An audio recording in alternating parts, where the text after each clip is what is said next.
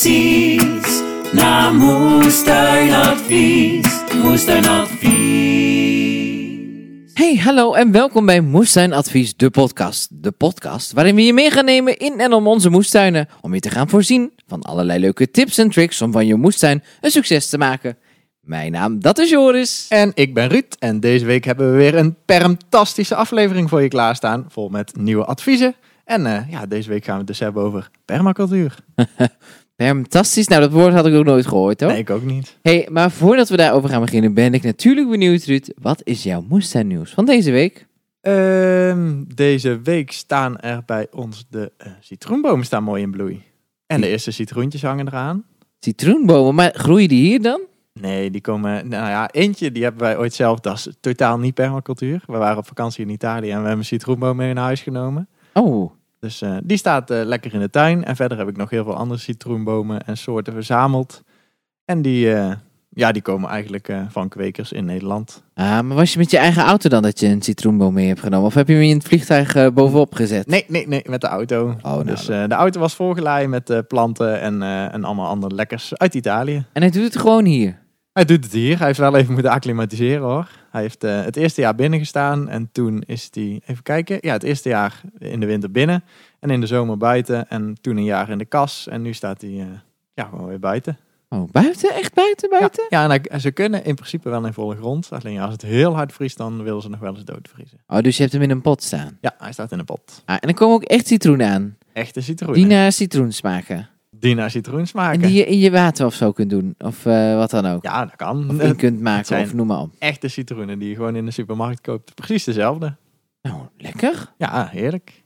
Dus eh, we gaan binnenkort eens proeven als er weer eentje rijp is. Ik ben heel erg benieuwd.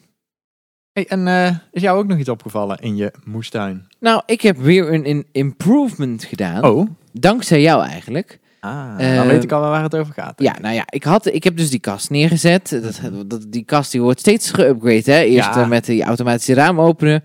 Maar nu had ik eh, aan de zijkant van mijn kast allemaal kuiltjes zitten. Kuiltjes. Ja, want als het dan geregend had, dan drupte het zo naar beneden. En er Ah. kwamen allemaal kuiltjes in. En eh, plus, mijn kast staat best wel ver van de kraan af. En ik moest iedere keer helemaal met mijn gieten naar de kraan lopen. Was best wel ver. Dus wat heb ik gedaan? Helemaal ecologisch verantwoord. Ik heb van jou een regenton gekregen. En die heb ik zeker. daar neergezet. Ja, dat klopt. Wij hadden nog een paar regentonnen in de schuur staan. Die hebben we ooit ergens gratis opgehaald. En wat gratis is, neem je mee naar huis. Is onze insteek. En eh Nou ja. Het, toch. me- het, meest, het ligt eraan wat het is ja, het ligt eraan wat het is. Maar eh, regentonnen komen altijd van pas. Want eh daar kun je altijd wel iemand mee blij maken. Dus nou ja, die hadden we nog over. En dan hoeft Joris geen nieuwe regenton te kopen. En dat is al wel permacultuur verantwoord. Nou, ik weet eigenlijk nog helemaal niks van permacultuur, maar daar gaan we het dadelijk over hebben. Want voordat we dat gaan doen, wil ik nog even de mensen wijzen op dat je vriend van de show kunt worden. Dat doe je namelijk op www.vriendvandeshow.nl slash moestuinadvies. En daar kun je dus abonneren op de podcast. Daar zie je de laatste show notes staan. En als je dus vriend van de show wordt, dan steun je ons bij het maken van deze podcast. Zo, en, eh, nou ja, en je hebt jezelf ook een beetje, want je wordt lid van onze virtuele volkstuinvereniging. En dan krijg je allemaal leuke extra's. Misschien wel extra afleveringen, voorrang op evenementen. Kortom, eh, zeker de moeite waard om daar lid van te worden. Maar genoeg over dat, want laten we het gaan hebben over permacultuur. Nou Ruud, het was dus jouw idee om een aflevering te maken over permacultuur. Ik vind het helemaal goed, alleen eh, je zult me echt bij de hand moeten nemen, want ik heb echt geen idee wat het is, waarom je het zou doen en waar je het kan vinden. En misschien eh, doe ik er dus al heel erg aan, misschien nog helemaal niet. Eh, nou ja, al, al dat soort dingen, hoe kunnen de andere mensen het in de moestuin gebruiken? Ik hoop dat we daar in deze podcast antwoord op kunnen krijgen. Ja, laten we het hopen. Maar Ik was- laten we gewoon beginnen bij het begin. Ja, bij het begin. Zoals inderdaad. altijd in deze podcast. Hoe begin je? Wat, wat? Nou, leg het me uit. Wat is permacultuur? Ja, dat is best moeilijk eigenlijk. Oh. Het is eh, best wel allesomvattend, zeg maar. Maar ik zal een beetje geschiedenisles eh, gaan geven vast. Hoe spannend als het maar geen droge kost wordt. Nee, dat hoop ik niet. Maar eh, ja, het, is, het, het, het woord permacultuur is eigenlijk afgeleid van eh, permanent agriculture. Het is ontstaan in Australië in de jaren 70. Oh, zo lang al. Ja, het, is, het bestaat al, al best wel eventjes. En ja, het is bedacht door Bill Mollison en een student van hem, David Olmgren. Ja. En die, ja, die waren eigenlijk met z'n tweeën op zoek naar een oplossing voor verschillende problemen in Australië. Zoals verwoestijning, bodemerosie en eh, monocultuurlandbouw. Mhm. Ja, allemaal dingen waar we nog steeds oplossingen voor aan het zoeken zijn. Maar eh, ja, zij hebben daar eh, permacultuur voor bedacht. En ja, dat is eigenlijk het begin ervan. Dat ze ja, iets met voedselproductie en, ja, en, en, en bossen, meer bebossing wilden creëren in Australië. Aha, en, nou, en kort gezegd, wat is het dan precies? Eh, ja, een manier om dat te gaan doen. Dus ze hebben eigenlijk een, een soort set regels opgesteld. En als je je daaraan gaat houden, of in ieder geval probeert te houden, terwijl je iets wil gaan doen, dus bijvoorbeeld moestuinieren, dan eh, wordt het allemaal een stuk eh, duurzamer en ecologisch verantwoord. Om het zo maar, ja, dat is eigenlijk de simpele omschrijving ervan. Aha, dus dat zijn een beetje de voordelen ervan. En zijn er nog meer voordelen die je krijgt als je aan de permacultuurregels houdt? Ja, ik denk het wel. Want het, je wordt er eh, een beetje, een, een, een- ja, het wordt allemaal een stuk makkelijker voor jezelf, denk ik. Mhm, Dus je bent vooral milieuvriendelijker, eh, gevarieerder bezig, als ik het zo goed ja, begrijp. ja, denk ik ook wel, ja. Omdat je het minder monocultuur hebt. Mhm. En ehm, is het ook nog zo dat je bijvoorbeeld eh, eh, minder tijd kwijt bent met onkruidwieden of dat soort dingen? Of Ja. heeft dat daar helemaal niks mee te maken? Nee, dat bedoel ik inderdaad met dat je een beetje, een beetje ja, het, het rustig aan kunt doen in de tuin. Voor je gevoel. Want je hoeft minder, eh, minder actief, zeg maar, bijvoorbeeld plaagbestrijding te doen of onkruid te wieden. En eh, ja, het is, het is gewoon beter voor de aarde. Ah, dus je laat eigenlijk een beetje gewoon de natuur zijn eigen gang gaan. Ja, de natuur zijn gang gaan. En eh, daarom was ik eigenlijk ook wel verbaasd dat jij zei, ik weet echt nog helemaal niks van permacultuur of wat het nou helemaal inhoudt. Omdat je er voor mijn gevoel ook al best wel aardig mee bezig bent in je tuin. Oh, oh, oh. Nou, daar willen we dadelijk alles over Ja. horen. Maar dat is natuurlijk, ja, ook op advies van ons. En, en hoe moet ik dit dan aanpakken? Ja, dan krijg je al snel een soort permacultuuradvies, zonder dat we dat per se zo benoemen. Nou, Ah. daar zit er al eh, een beetje in verwoven. Nou, en we heten in deze podcast Moestuinadvies. Eh kun je mij een voorbeeld geven van een, ehm, hoe moet ik dat nou zeggen? Ja, een, een permacultuur moestuin. Ehm, een permacultuur moestuin. Ja. Ja, hoe gaat dat in zijn werk? Hoe ziet dat eruit? Eh, ja nou, er wordt in ieder geval eh, bijvoorbeeld niet gespit. Dus het is de no-dig garden. Dat valt onder permacultuur. Nou, dat doe jij ook al aan. Eh mulchen is een permacultuur eh, Mhm. Dus eh, nou ja, dat, dat zijn al twee dingen. Water opvangen, waar we, nou, waarvoor je, wij jou de regenton hebben gegeven bijvoorbeeld. Dat is ook een permacultuurprincipe. En eh, ja, zo kun je het eigenlijk steeds, eh, steeds uitbreiden. En dat is in principe ook gebeurd. Want toen het in de jaren 70 bedacht is, was het eigenlijk alleen maar gericht op, op ja, voedselproductie en, en agricultuur, zeg maar. Alles wat met, met bossen en landbouw te maken had. Ja. Alleen het is inmiddels ook wel uitgebreid en je kunt het eigenlijk op heel je leven wel toepassen. Dus op je huis, want je kunt je huis natuurlijk ook energiezuiniger maken. Nou, dat is ook een, een, weer een gedeelte van permacultuur. Dus inmiddels is het ja, echt super breed toe te passen. En eh, ja, het is echt een, een ontwerpmethode die, eh, die, ja, die eigenlijk gericht is op het duurzaam vormgeven van je, van je leven. Oké. En eh, als we dan over die vormgeving hebben, gewoon puur hoe het eruit ziet. ehm, ziet dat er ook nog anders uit dan een reguliere moestuin? Want zijn daar dan ook bedden die bijvoorbeeld eh, recht vi- vierkant zijn en rechthoekig? Of is dat dan allemaal wat anders ingericht? Eh, ja, ik probeer het eigenlijk altijd niet te strak te zien, die regels. Dus eh, nou ja, er zijn eh, tien of twaalf, eh 10 tot 12 ontwerpprincipes. Mhm. Dus Bill Mollison heeft er 10 opgesteld en zijn student David Omgrum 12. Oh. Dus, maar ze zijn, ja, er zitten natuurlijk superveel overlap tussen. Dus 10 tot 12 ontwerpprincipes. En eh, nou ja, ik ga ze niet allemaal noemen, want het is best een saai lijstje, moet ik zeggen. Ja. Dus, eh, maar je kunt ze online overal vinden. Als je permacultuur ontwerpprincipes intypt, dan komen ze zo eh, bij Google eruit gerold. Maar kun je niet ook een van een, een belangrijke noemen daaruit? Ehm, eens even denken. Wat is een belangrijke? Nou ja, bijvoorbeeld energie vind ik wel een belangrijke. Energie, dat moet je even uitleggen. Nou ja, op je huis kun je, is het heel simpel uit te leggen. Dus bijvoorbeeld zonnepanelen of zo. nou ja, om, om zelfvoorzienend te zijn in energie. Eh, Mhm. bij je huis kun je ook bijvoorbeeld denken aan eh, wateropslag. Dus regenwater opslaan om daarmee je wc bijvoorbeeld door te spoelen. Wordt ook steeds meer gebruikt. Maar ja, echt in de moestuin kun je bijvoorbeeld energie zien als... eh, ja, je kunt elk jaar naar, naar ergens naartoe bellen om compost te bestellen. Maar je Ja. kunt hem ook zelf maken. Oké. En, en daar zit natuurlijk in die compost zit een vorm van energie in. En ook een, een stukje energie, want die vrachtwagen moet naar jou toe komen rijden. Dat kost energie. En als je het allemaal binnen jouw perceel houdt, dus zelf je compost maakt, ja, dan kost het allemaal een stuk minder energie. En dan heb je toch je compost die je nodig hebt. En eh, nou ja, hetzelfde geldt bijvoorbeeld voor eh, bladval. Als je heel veel bladeren van je boom hebt, zijn heel veel mensen die het in de winter of in de herfst opharken. In een eh, bladkorf doen van de gemeente en dan wordt het opgehaald. Of het gaat met het GFT mee. En dan gaan ze daarna compost terugkopen. Terwijl ja, die bladeren hadden perfect compost kunnen worden natuurlijk. Ah, oké, dus het gaat er echt zo om dat je bijvoorbeeld de energie die de natuur je geeft, je weer her gaat gebruiken in je tuin. In je dus als tuin. bijvoorbeeld water, als bijvoorbeeld, eh, nou ja, van alles. Dus Ja. die bladeren. Ja. Ah, Daar, eh, daar is het eigenlijk allemaal een beetje op gericht. Dat je ja, zuinig omgaat met energie en, en alles wat jouw stukje tuin je zeg maar te bieden heeft. Want dat is vaak veel meer dan wat mensen denken. Maar het klinkt dus wel als de ideale wereld. Waarom eh, ziet de hele wereld er dan nog niet uit? En waarom weten zoveel of zo weinig mensen eigenlijk precies wat het is? Ja, dat is een goede vraag. Vind ik eigenlijk ook wel raar. Is het dan zo moeilijk of zo lastig om het te, te voor elkaar te krijgen? Nee, helemaal niet. Maar ik denk wel dat mensen zich heel snel eh, gedwongen voelen als je zeg maar bijvoorbeeld eh, al zegt van nou, er zijn 10 tot 12 eh, ontwerpprincipes. Dat mensen zich heel snel gevangen voelen in, in een set van regels. En daar, ja, daar word, je al heel snel bang van. Dat je denkt van oeh, nou moet ik me aan allemaal regels gaan houden. En daar wil ik dus nu ook meteen zeggen, nou dat hoeft helemaal niet. Ik heb ooit die regels gewoon gelezen. En nou prima, en dan vergeet ik ze weer. En dan probeer ik, maar dan probeer ik wel zeg maar de essentie eruit te halen. En steeds te bedenken als ik iets ga doen van kan dit efficiënter of moet ik dit nu wel weggooien? Kan ik het niet nog een keer hergebruiken? Dat soort dingen. En ja, soms is de keuze gewoon om het weg te gooien omdat dat gewoon het leven een stuk makkelijker maakt. Ja, dat mag ook. Maar oké, dus je mag de regels wel een beetje, of nou ja, dat doe je zelf, eh, een beetje naar je eigen inzicht in te In de- vullen. Ja, zeker. Je hoeft echt niet eh, het super strak eh, te houden. Oké. Nou, het klinkt wel als echt iets heel erg moois. Dus het is goed dat we deze aflevering maken, zodat we daar wat, wat dieper, over inga eh, dieper op ingaan.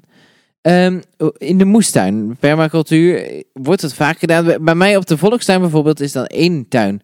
Nou, ik denk dat dat dan helemaal op en top permacultuur is. Het is met allemaal kronkels, mooie uh, hout. In een hoofd of in de tuin? Nou, in de tuin, in de tuin. En Oké. met houtsnippers op de paden. Ik zie heel veel gebruik van stro, heel veel mulchmaterialen. Ik zie alles door elkaar staan, allemaal kruiden. Het lijkt eigenlijk een beetje alsof ze de boel maar de boel laten. Maar dat is dan in het geheim natuurlijk helemaal niet. Eh, ja, een beetje wel en een beetje niet. Ik heb hem inderdaad ook gezien, de tuin. Want je hebt hem meteen met vol trots aan mij laten zien. Van dit vind ik wel een eh, speciale tuin. En dat is het ook wel. En ja, daarin zijn natuurlijk ook weer keuzes te maken. Jij doet ook aan permacultuur. Maar je hebt wel gewoon verhoogde bakken die netjes vierkant zijn. Mhm. En de, ja, daar, daarin zie ik ook wel bij mensen soms als ze dan zeg maar zo'n permacultuurtuin zien. Zoals jij net omschreven hebt. Met die kronkels en heel veel mulchmaterialen en echt alles wild. Dat het... eh, vaak een, een moeilijke stap is. Wij zijn als mensen nog wel opgeruimd. Dus ja, wij willen graag alles netjes. En eh, ja, ik was pas, we waren vorig jaar bij een boomkweker en eh, we hadden een nieuwe bosmaaier. Nou, die geef je hem in zijn hand en hij is biologisch boomkweker. En hij eh, pakt dat ding vast en hij begint, hij zei, oh, dat wil ik wel even proberen, een klein stukje aan het maaien. En ja, na eigenlijk een meter of drie zegt hij, oh, hier heb je dat ding weer terug. Ik moet daar helemaal niet aan beginnen. Want ja, je instinct zegt gewoon, oh, ik heb dat ding in mijn hand, oh, dat is makkelijk, op meteen, meteen alles maaien. Ja. Terwijl het is veel beter om gewoon de planten waar je last van hebt ertussenuit te halen en de rest gewoon te laten staan. Ja, van nature zijn wij gewoon gewend als mens. Opruimen, alles netjes, onkruid tussen de tegels, dat hoort niet, weghalen. Ja, Dus- zorgen dat het mooie zwarte grond wordt. Ja, dus en, en dat is ook, ja, dat geef ik toe. Ik vind het ook veel makkelijker als, als alles zwart is en alleen maar de plantjes die je wilt in je moestuin eh, er staan. Maar of dat nou het beste is voor de plantjes en voor de natuur, dat is natuurlijk altijd de vraag.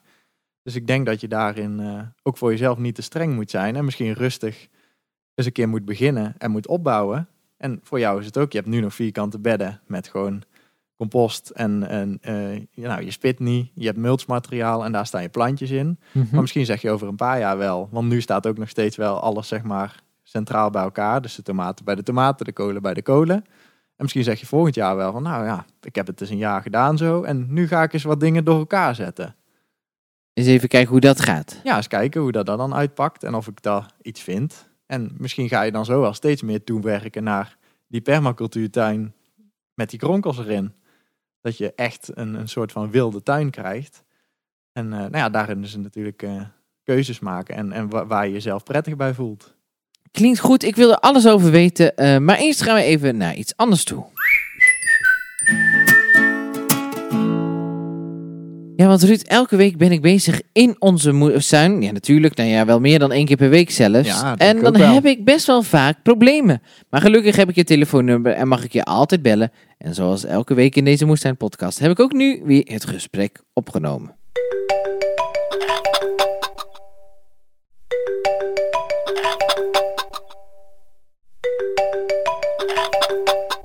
Hey Ruud. Hey Joris.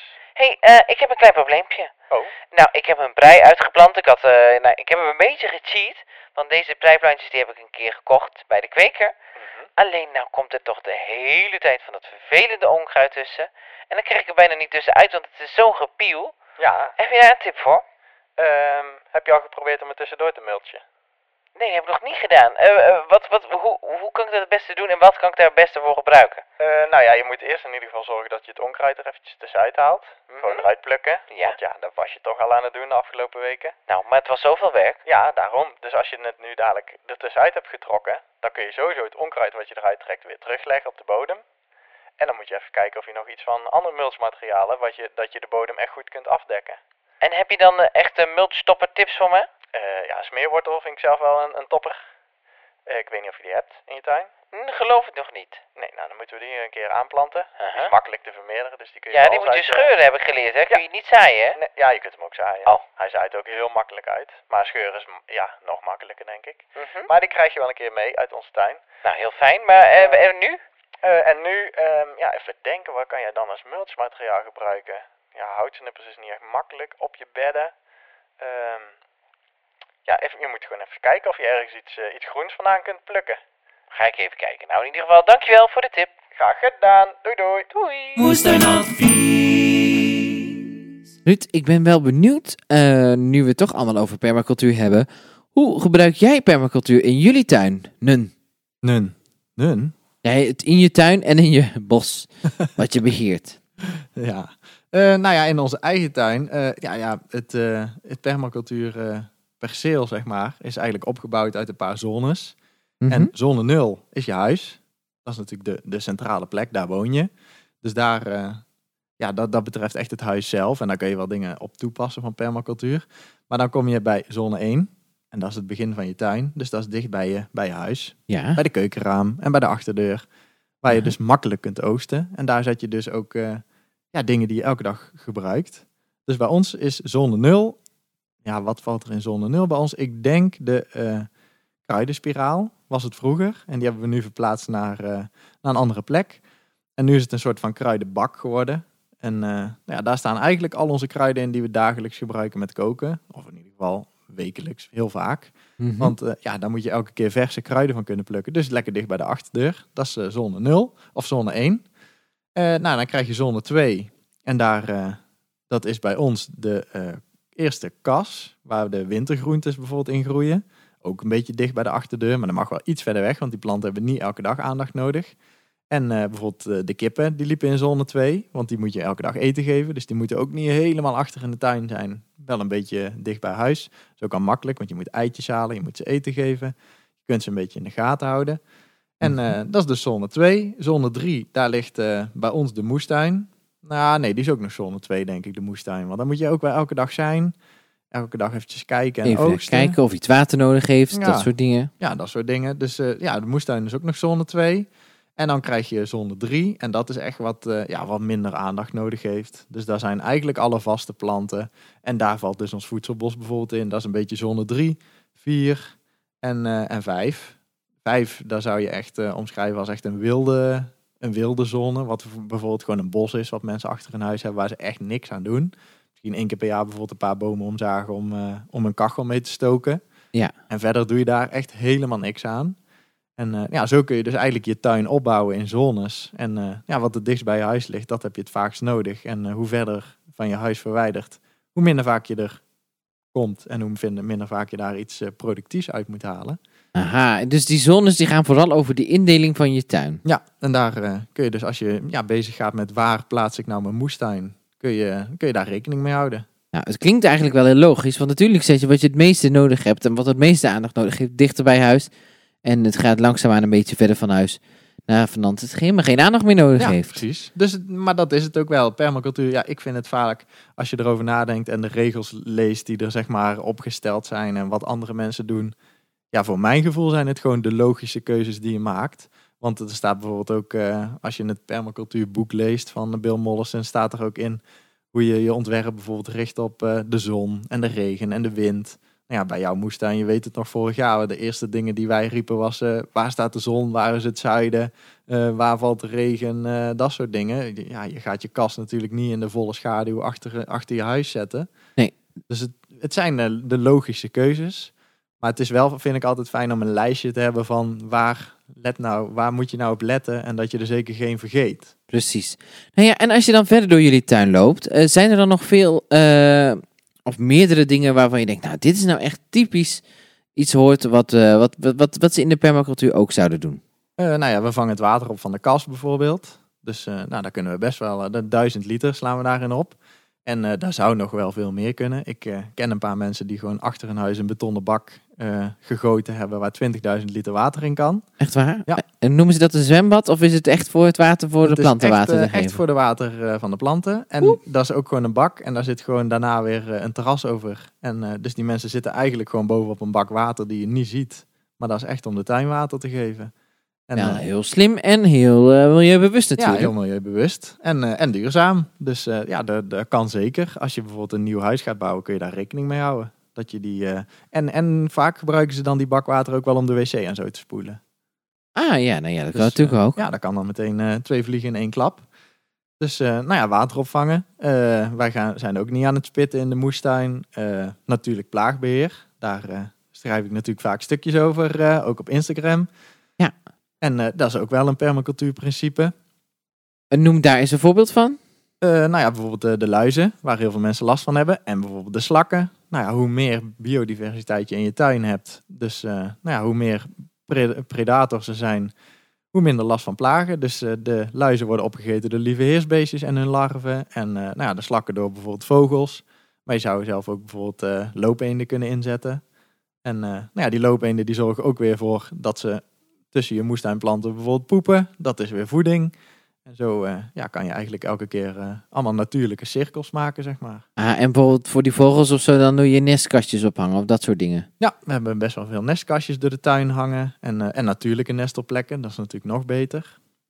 Ja, zorgen dat er genoeg materiaal is om een nestje van te bouwen. Ja, van te bouwen. En dat er ook rustige plekken zijn in de tuin waar ze gewoon ook echt kunnen bouwen. Dat is vaak ook nog wel een dingetje, want nestmateriaal is één, maar de plek en de rust om het te doen is natuurlijk een tweede. Mhm. En ik weet dat er nu drie ransuilen jongen zijn geboren. Dus eh, dat betekent dat er veel muizen zitten, maar dat er ook heel veel muizen gevangen worden. Oh ja, dat is altijd goed. Dus dat is ook goed. En eh, nou ja, zo kun je eigenlijk een beetje het, eh, het natuurlijk evenwicht herstellen.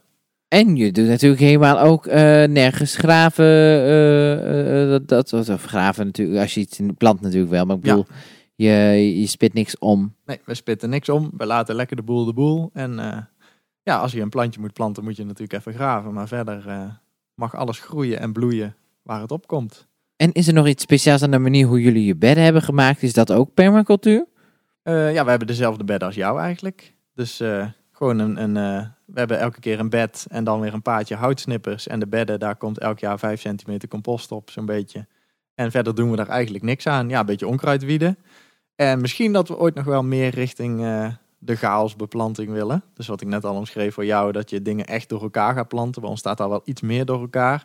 Maar ik zou het misschien wel mooi vinden dat daar nog, eh, ja, nog meer zou zijn. Ja, nou je hebt genoeg plek om het eens een keer te proberen op een ander plekje. Ja, ja dus ik wil eh, dit jaar eh, wil ik wel de, dat is de, de, de drie eenheid, zeg maar, die heel vaak genoemd wordt: mais, bonen en pompoen. Ja. En die plant je dan met z'n drieën op één plek aan. En er zijn al best wel wel onderzoeken naar gedaan. En ja, dan een, eh, een hectare die gewoon maisveld was. En Ja. dan daarnaast een hectare die mais, pompoen en bonen was. En die mais, pompoen, bonen, die leverde 20% meer opbrengst op dan alleen maar mais. Oh, Dus het, het heeft wel voordelen en het werkt dan eigenlijk zo. De mais wordt natuurlijk een lange stengel. ja. Daar komt mais aan. De boonplant die gaat om de stengel van de mais omhoog klimmen. Uh-huh. En daar, dat is dan zeg maar de stok voor de boon. En de pompoen groeit eronder tussendoor. En die heeft natuurlijk best wel grote bladeren. En die bedekt dan eigenlijk de bodem als een soort van levend mulchmateriaal. En dan Nou. komen nog pompoenen aan. Dus dat is eigenlijk de top drie eenheid, zeg maar, om bij elkaar te planten. Dus daar wil ik dit jaar een stukje mee, eh, mee gaan aanleggen. Het klinkt fantastisch. Ja, en ik denk als het echt goed werkt en je kunt het ons laten zien dat iedereen helemaal eh, Hosanna in de hoge. En ik denk dat je daar buttons en stickers van moet maken zodat iedereen dit wil. Ja, nou, ik, eh, ga het, eh, ik ga het dit jaar proberen. Ik ben allemaal aan het stoeien met stokken en, en, en, en touwen en weet ik veel wat voor mijn bonen. Nou, ik, ik laat hem tegen de mais aan groeien. Ja, dat, ja, blijkbaar werkt het. Dus daarom wilde ik het dit jaar eens, eh, eens een keer proberen. hey, en waar ik wel naar be- benieuwd ben, want ik ben natuurlijk helemaal niet bewust bezig met permacultuur, maar doe ik er dan ook al aan? Eh, ja, weet je daar zelf eigenlijk nu? Nou, ik, heb ja. nu ik heb nu een beetje uitgelegd over wat het inhoudt en eh, waar je op kunt letten en zo. Eh, wat, wat denk je zelf? Ik heb dus nu net geleerd dat, dat, dat die regenton van jou echt heel erg permacultuur is, omdat ik al het water opvang. Nou ja, ik spit niet zoveel, of ik spit eigenlijk bijna niet. Nou, dat is natuurlijk ook permacultuur. Ehm, wat ik ook wel doe, eh, is gewoon als ik bijvoorbeeld zeg, ik heb er wat zeilingen over, dan zet ik ze wel eens gewoon op een plek, gewoon kijken of ze daar opkomen of niet. Gewoon maar Mhm. gaan, of eh, opkomen zijn ze dan al, maar of ze daar verder gaan. Ik weet niet of dat permacultuur is, maar ik denk Ja. het ook wel een beetje. Ja, zeker. En eh, dat, dat al mijn, eh, bij- bijna heel mijn tuin is gemaakt van spullen eh, die eh, ik al had. Ja, of Of gekregen. gekregen heb, of uit de natuur komen. Ja. Eh, van iemand waarvan ik het gekregen heb. Maar in ieder geval eh, het is Heel vrij duurzaam. Ja. Want eh, jouw bakken zijn bijvoorbeeld van wilgetenen, die je Mhm. van ons hebt gekregen. Ja. Dus die, eh, ja, die komen gewoon uit de natuur. En eh, nou, daar heb jij je bakken van gevlochten. En Dus dat, is, dat is al supergoed hergebruik. Maar ik zag dat je nou ook weer bloemen had uitgeplant aan de buitenkant van je tuin. Gewoon op een plek die je eigenlijk niet gebruikt. Nee. Ja, die lokt weer allemaal insecten die, ja, die misschien weer kunnen helpen tegen bepaalde plagen. Ja. Dus dat is ook wel een permacultuur dingetje. En wat je net zei, planten uitplanten. Maar ik weet dat je ook planten weggeeft. Ook dat, ook dat, ook aan, dat. eh, aan de buren en zo. Ja, en zelfs aan jullie vind ik ook bijzonder dat ik dat af en toe ook nog kan. Ja, zeker. ook aan ons. Dus eh, nee, maar dat is ook wel eh, een permacultuurgedachte. Dat je gewoon ook wilt delen met anderen. Want jouw overschot is, is natuurlijk leuk om dat aan andere mensen uit te delen. In plaats van dat je denkt, nou ik heb er niks aan en ik gooi het weg. Ja. Terwijl andere mensen zijn er blij mee. En ja, zo kun je elkaar verder helpen.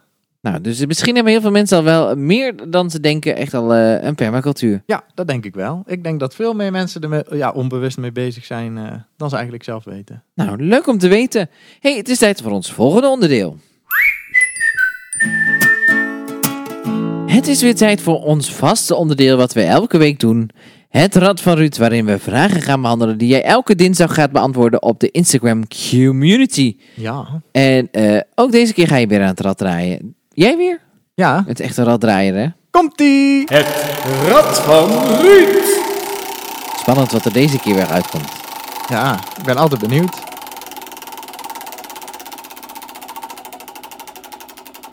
Ja, Ik vind vooral het einde altijd zo. Maar we zijn er bijna. Yes. Even kijken. Nou, oh ja, ik zie het hier. De vraag is, wat zijn fijne en goede planthuwelijken? Huwelijken. Ja. Zo, dat klinkt wel spannend. Ja.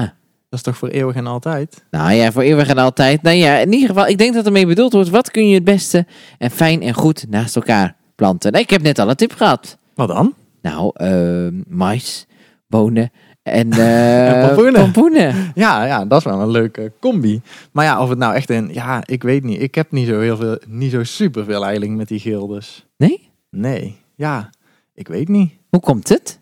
Ja, omdat wij als mensen altijd dingen willen forceren of zo. Die, ja, in de natuur is er toch ook niemand die rondloopt met een tabelletje. Jij moet langs die groeien en jij moet langs die groeien. En ja, ik vind het altijd heel geforceerd, al die tabellen. Ja, Dus- dat is zeker. Maar ik denk dat het natuurlijk vandaan komt dat je sommige dingen beter niet naast elkaar kan zetten.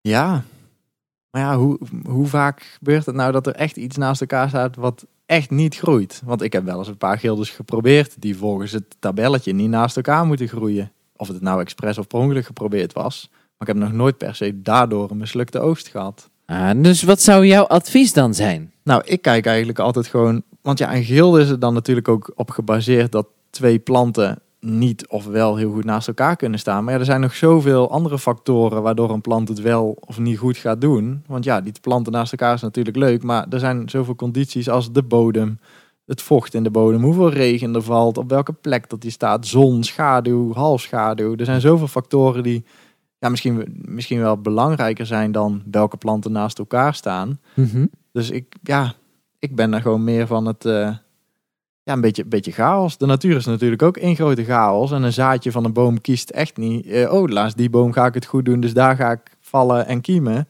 Die komt ook maar gewoon random op een plek neer.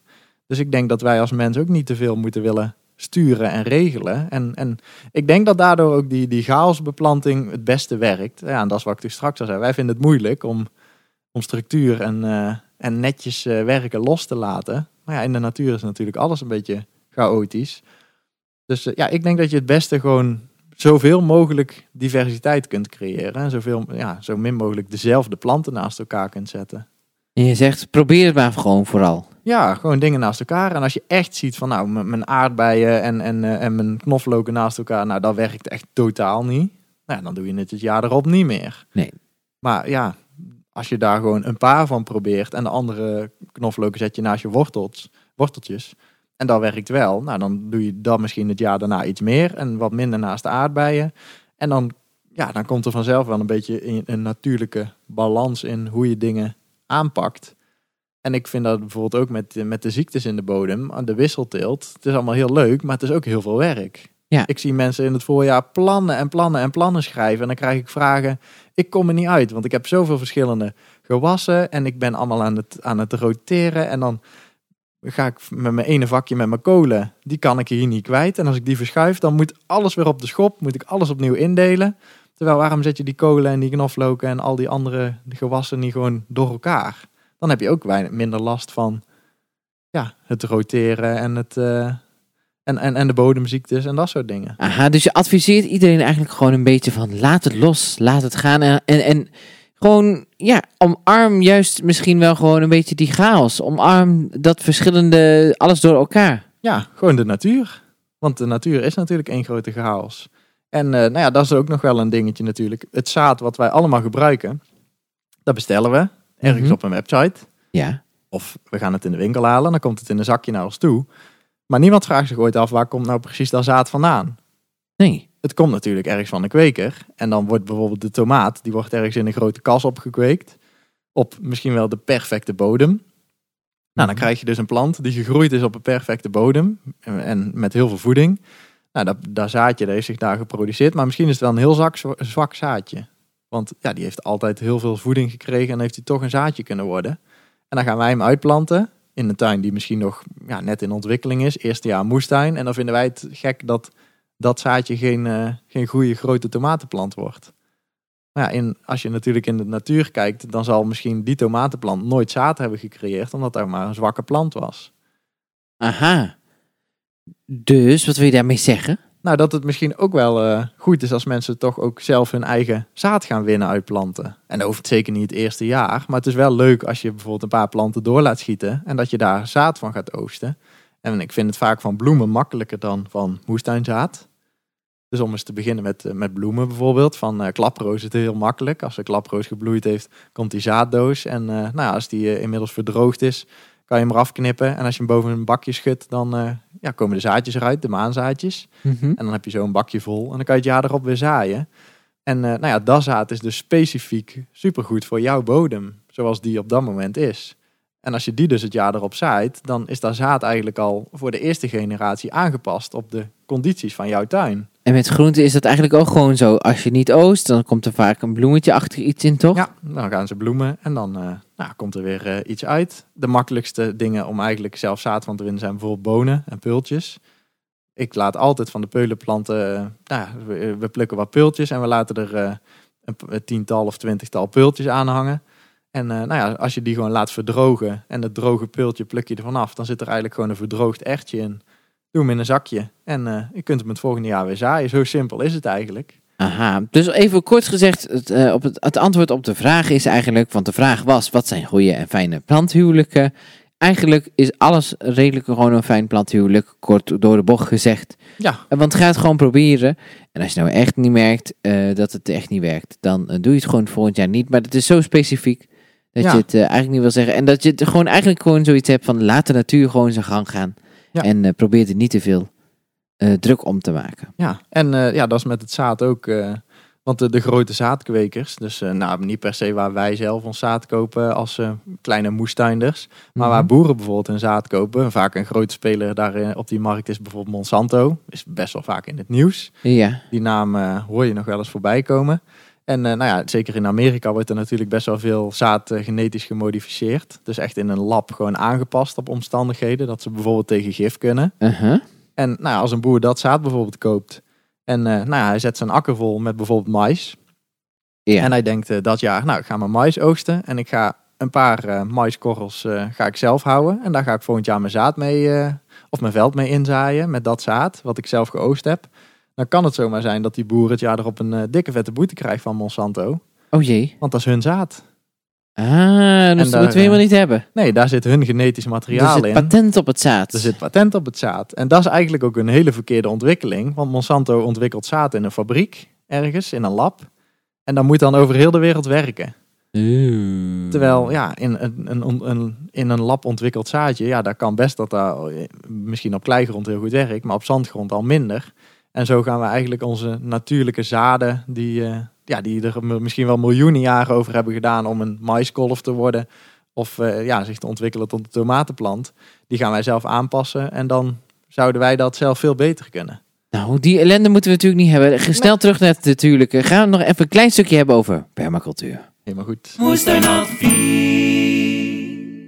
Laten we, want daar ben ik wel benieuwd naar. Voordat we deze podcast afsluiten en zonder dat het dan een hele lange podcast wordt. ehm, een aantal tips, Ruud, hoe je eh, permacultuur kunt gebruiken in het klein in je eigen moestuintje. Op je volkscomplex of achter, achter in je achtertuin. Eh, nou ja, de makkelijkste dingen zijn dus bijvoorbeeld eh, de no-dig-methode, niet spitten. Mhm. Ehm multje.